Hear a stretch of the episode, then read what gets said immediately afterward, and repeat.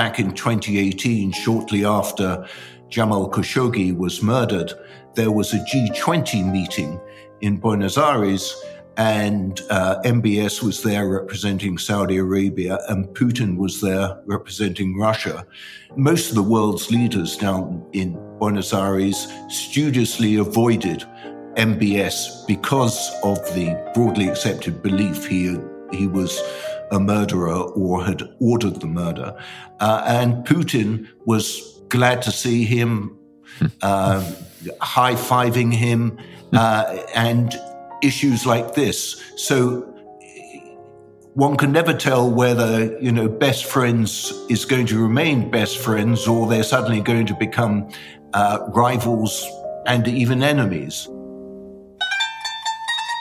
Welcome to uh, another episode of the Middle East podcast that today will focus on Saudi Arabia, a large, important country in the Middle East, but that is not very often discussed in depth. To discuss this with us, we have Simon Henderson from the Washington Institute. He's the Baker Fellow there and director of the Bernstein Program on Gulf and Energy Policy.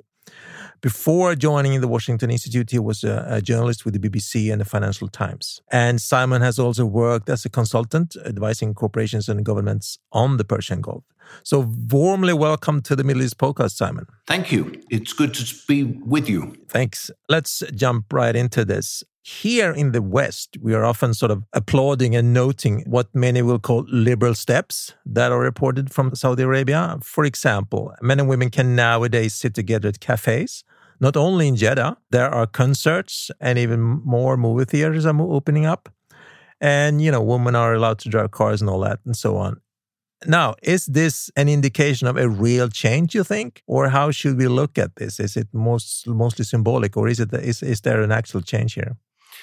Uh, well, it's certainly a real change, uh, but it's not necessarily the change that we were expecting if there was going to be a radical shift in Saudi Arabia. Right. These are social changes. Uh, things are allowed to happen in Saudi Arabia now, but don't think for one moment that there are political changes. Right. Uh, because the challenge here is that MBS, Mohammed bin Salman, the crown prince, very much wants to do what he thinks is good for him, which is to provide changes in society, but he's not giving changes in political power. Rather, he's retaining all the political power himself. And more than that, he's perhaps confining it to himself when previous uh, rulers of Saudi Arabia, he's not quite the ruler yet because King Salman is still alive, have uh, run Saudi Arabia with a consensus of the wider royal family and uh, the religious leadership of Saudi Arabia. So, if I can just have a quick follow up, what you're saying is really that uh, we won't see any political changes necessarily, uh, even though social changes might might happen. Is that is that correct? Uh, uh, well, in fact, it can be argued that although in the past Saudi Arabia has been a listening monarchy, mm. it's not even clear now that the monarchy which is emerging is going to listen that much. Right. Uh, it will listen to demands for social changes but don't think for one moment that it will listen uh, to demands for political changes and for wider involvement of uh, people and their opinions and their desires. Those are going to be decided for them.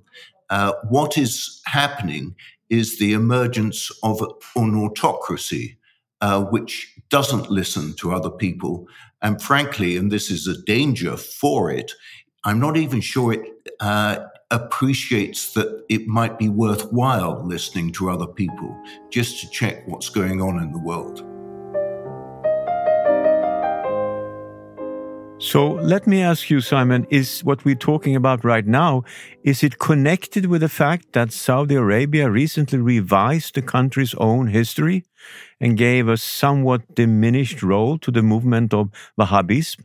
And is it also connected to the fact that it seems to us, at least, that the religious elite, the ulema and the religious police, the mutawa, have lost some power? Well, you're mentioning a couple of instances, uh, but it's worth uh, looking at that anyway. First of all, the Mutawa, the religious police, were losing power even under the previous king, King Abdullah, who died in 2015. And they lost their powers of arrest there before that. And King Abdullah's most eminent daughter was a great advocate in fact, a public advocate of women driving. Uh, so there was change before MBS, Mohammed bin Salman, hit the scene. But he has accelerated the change, and uh, to every, rather to everybody's surprise. Uh, but he doesn't want to share credit for it. And uh, the latest twist on this is the declaration that February 22nd is the new founding day, mm-hmm. uh, mm-hmm. which uh, actually shifts the time when we all thought Saudi Arabia was sort of established back a few years. Uh, and as I said in a piece that I wrote for the Washington Institute recently, it's as though the United States of America decided that independence didn't come in 1776. It came 15 years or so earlier. So, how should we interpret that sort of revision of the history? What is the intention? Uh, well, we should interpret it cautiously because it's not being fully explained. Uh, but the way that I'm interpreting it is that it's diminishing the role of the religious establishment, the Wahhabi establishment in Saudi Arabia. Uh, traditionally, Saudi Arabia was uh, seen as being founded in 1745. Some people say 1744, but um, it's ambiguous because of Islamic calendars and our own usual calendar. That was a working relationship between somebody uh, called Mohammed bin Saud, who was a local tribal leader, who had given refuge to a religious preacher who was renowned for his purity of Islam, called Abdul Wahab. Uh, and what has happened now is that the Saudis have declared that Mohammed bin Saud was the originator of the Saudi state, and Abdul Wahab didn't turn up on the scene until later. A related question on, on, on that score, you know, talking about the, the, recent changes here. How would you connect that to the Arab Spring uh, 10 years ago? Did that have any effect on, on what we're seeing today in Saudi Arabia, you think? Uh, it's not an obvious connection, but uh, I don't rule it out completely. The Arab Spring threw up in the air many preconceptions about the Middle East, uh, and the people wanted to be listened to. And we've seen the effect it had in Syria and Libya and Tunisia, mm-hmm. much of which has been very messy. Uh, the conservative Arab states including Saudi Arabia, and Saudi Arabia is the most obvious one of this, weren't affected by the Arab Spring, at least not apparently and not publicly. Uh, but they clearly were intellectually, and they perhaps realized that uh, the old ways of doing things wasn't the proper way of doing things and was a risky way of doing things. And so was the way forward was to declare their own way forward. Uh, and if that didn't mean democracy, they'd have to paint it uh, as something else. Uh, and this is what's happening in Saudi Arabia. Uh, Mohammed bin Salman has declared that the old way of doing things is no longer appropriate. And he thinks he's got the right way of doing things uh, going ahead, going forward. Uh, it's debatable, of course, whether he has got the right way of doing things, at least in, uh, but you can't have that debate in Saudi Arabia. We can mm. around a microphone and, right, right. Uh, and, and other places in the West as we watch what's going on. But Mohammed bin Salman, the crown prince, has decided uh, his way forward is for a liberal society, but an autocratic political system. Simon, when we're talking about his new way, are we talking about the Vision 2030? Which seems to be a very comprehensive social and economic project, which, among other things, will try to make Saudi Arabia le less dependent on oil. So, is this project actually moving forward? Or should it be renamed Vision 2040, which was a recent suggestion in New York Times? What do you think about Vision 2030? Uh, well, Vision 2030 was a buzzword, a slogan which was always imaginative, but nobody, at least in Saudi Arabia, publicly ignored it or publicly spoke against it. I'm told Saudi officials say that 2040 is probably a more appropriate deadline, uh, but frankly, it might be 2045 or 2050. And the thing about Vision 2030 is trying to nail it down on what it means. And as you suggested in the question, it was uh, part of it was to move away from oil.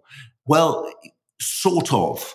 They want to broaden the economy at home, but the way of doing it, and this was always the contradiction in Vision 2030, was to use the revenue from oil to fund the changes at home. So, in fact, they are producing more oil and are even happier that that price of that oil is larger. And uh, as far as I can make out, see themselves as being a significant oil exporter way out into the future.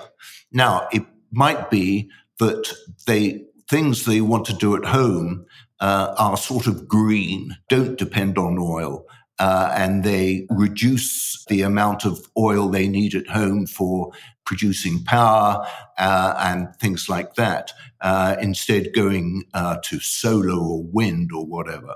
But the Saudis, or the Kingdom of Saudi Arabia, want the rest of us, Europe, Asia, America, wherever, to continue to use oil and they want us to pay high prices to buy it. So what are the other possible revenues in you know instead of oil? What could be, you know, a possible future solution?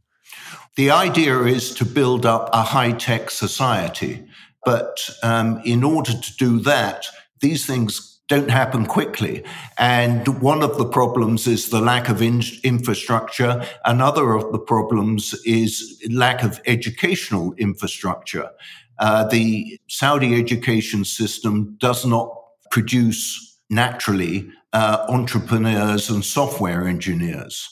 And uh, the few which have emerged have usually had some very Western connection.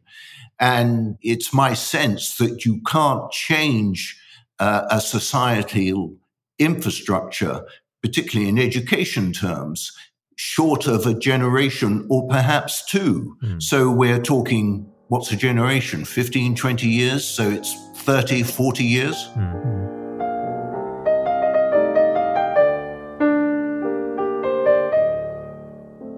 Let's turn to another topic here. In one of the cases when Saudi Arabia really did hit the media here in the West was when uh, Jamal Khashoggi was killed uh, four years ago now, and which created, you know, certain problems. Jamal Khashoggi var en av Saudiarabiens mest namnkunniga och väletablerade journalister.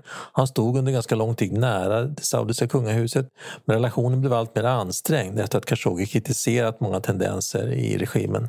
Från juni 2017 bosatte han sig i USA och började då skriva för Washington Post.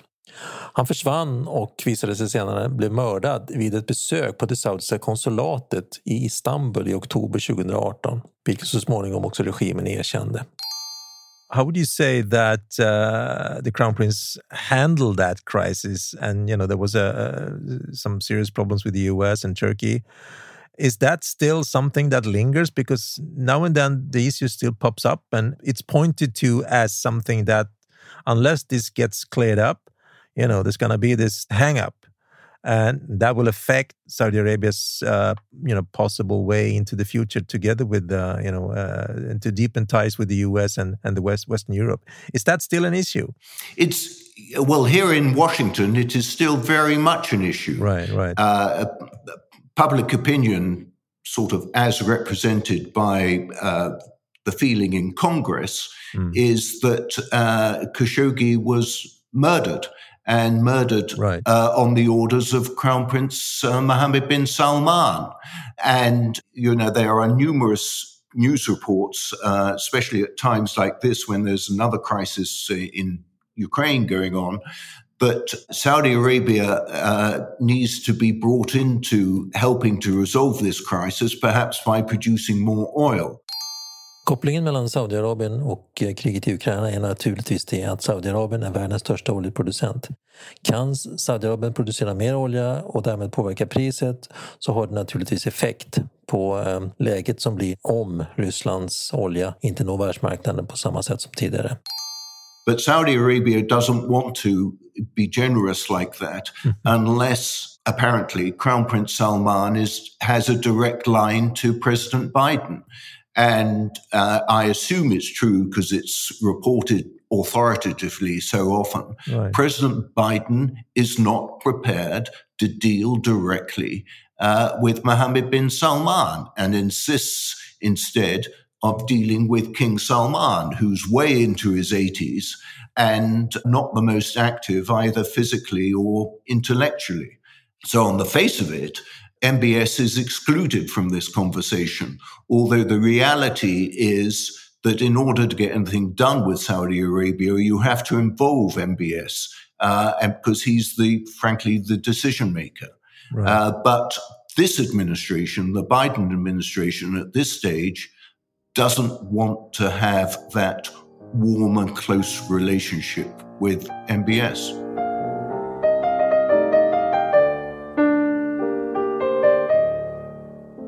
So, over to something else.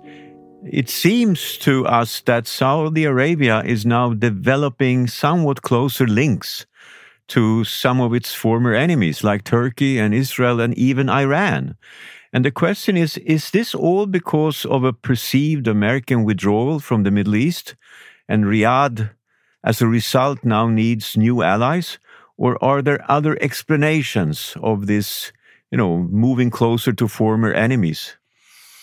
Uh, well, this being the Middle East, there are many explanations. Uh, how many of them are valid and have any particular worth is, uh, is a major question.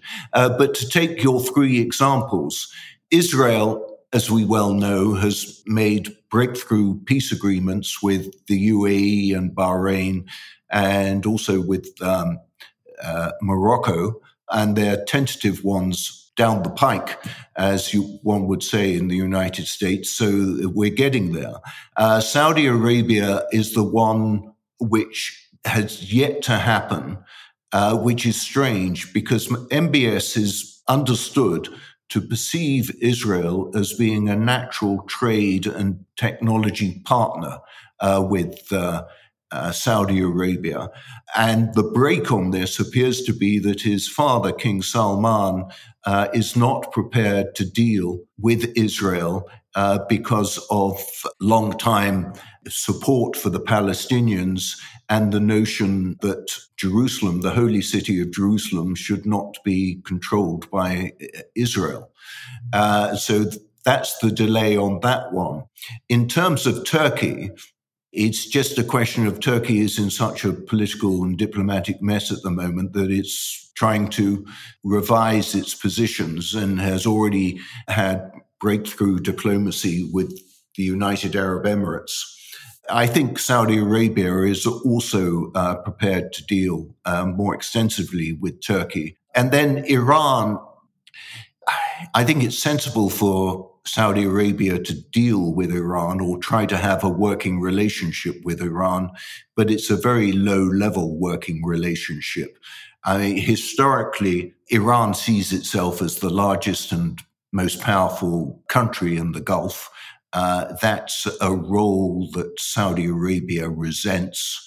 Uh, and there's also the whole history of uh, Shia and Sunni tension mm-hmm. Uh, in uh, not only the Gulf, but also in the region, wider region.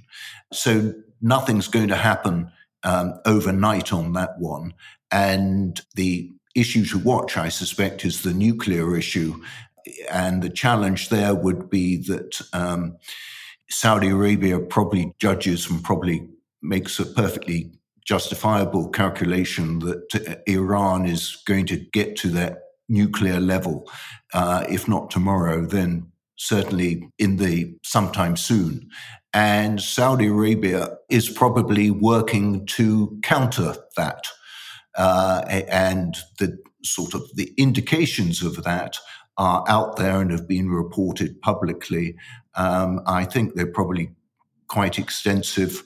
Um, how soon it would be after uh, supposedly an Iran declaration of uh, nuclear potential that Saudi Arabia would admit to some sort of program uh, is total guesswork. But um, just remember what I said. So let's move back to something that you have touched upon before. There are some analysts that predict that Saudi Arabia in the future will become less of a leader of the Gulf states and also less of a leader of the Islamic world. What do you think about those forecasts? Uh, Saudi Arabia will always be a leader of the Gulf Arab states. It's uh, the biggest country in terms of land area, it's the biggest country in terms of population, it's the biggest country in terms of um, hydrocarbon reserves. Uh, it's hard to imagine that anything else would be possible. Saudi Arabia domestically is shifting this balance between uh, secular and religion. Mm-hmm. Uh, and the royal family is religious in observance, but it is uh, a, not a religious royal family. And so the religion part has been the Wahhabi uh, clerical elite. And that has been increasingly sidelined. Now, it's an interesting dynamic because Saudi Arabia's leadership and position in the Arab and the Islamic world is because it is uh, where Mecca and Medina are, and it's because it is very much um, sees itself as the leader of the Islamic world. But this playing with the Islamic dimension in Saudi Arabia uh, must have an impact on this status. And I don't think we really know what that impact is yet because pretty well everybody's too polite and or scared to debate the thing publicly. Uh, but it is going to be an interesting question uh, because you know how do you play it in Saudi Arabia that the role of Islam is diminished while still maintaining that you are the leader of the Islamic world? I don't know. Okay. Right. It's a dilemma. A, a short follow up question, because in some ways it seems to me that we are talking about identities. And the question is Is there a national Saudi identity? And if so, how would you describe it? Yes, there is a Saudi uh, identity, uh, and it's been uh, brought forward, developed over the years uh, you could argue, uh, perhaps, that 100 years ago it wasn't particularly established. Uh, and uh, it, after all, modern Saudi Arabia, was, we know it, wasn't uh, created until 1932. but the years since, and particularly the years brought on by pr- the prosperity of oil, mean that a Saudi identity has emerged. Having said that, uh, there are significant uh, geographical differences, ethnic differences, differences between those who live in major towns and cities and those who live in more rural areas, and also historical differences. Uh, the provinces close to Yemen uh, have a sort of identity with Yemen, uh, much to the irritation of Riyadh. And in the eastern province, the province which is on the Gulf coast, uh, which is where Saudi Arabia's oil reserves are most significant, uh, the local population is majority Shia, mm-hmm. i.e., the same as Iran. And so there are these sort of tensions, possibility for tension, which exist. Now, it might be that with the passage of time, these issues decline, uh, but it's not obvious that they're doing so.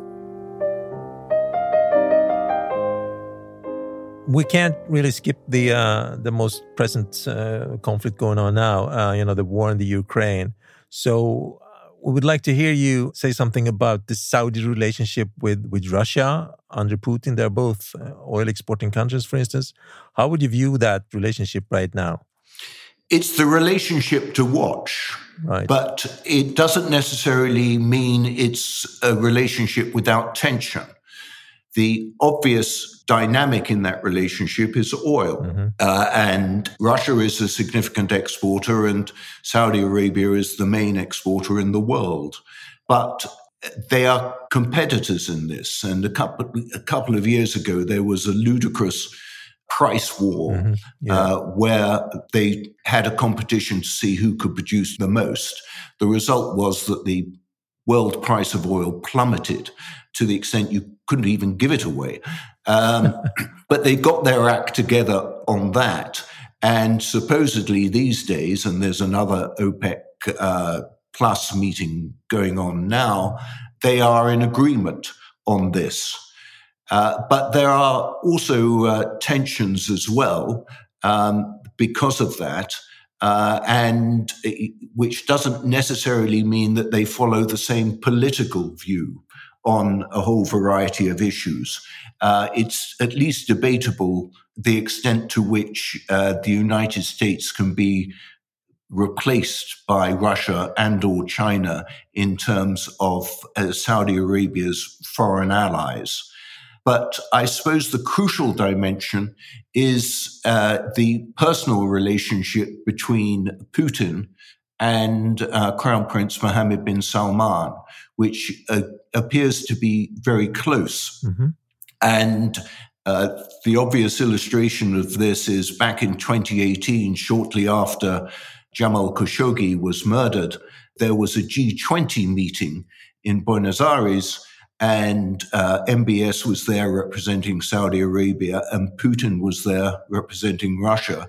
Most of the world's leaders down in Buenos Aires studiously avoided MBS because of the broadly accepted belief he he was a murderer or had or, ordered the murder, uh, and Putin was glad to see him, uh, high fiving him, uh, and issues like this. So one can never tell whether you know best friends is going to remain best friends or they're suddenly going to become uh, rivals and even enemies.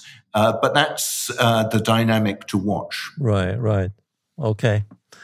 Well, I think that was a lot uh, information to digest.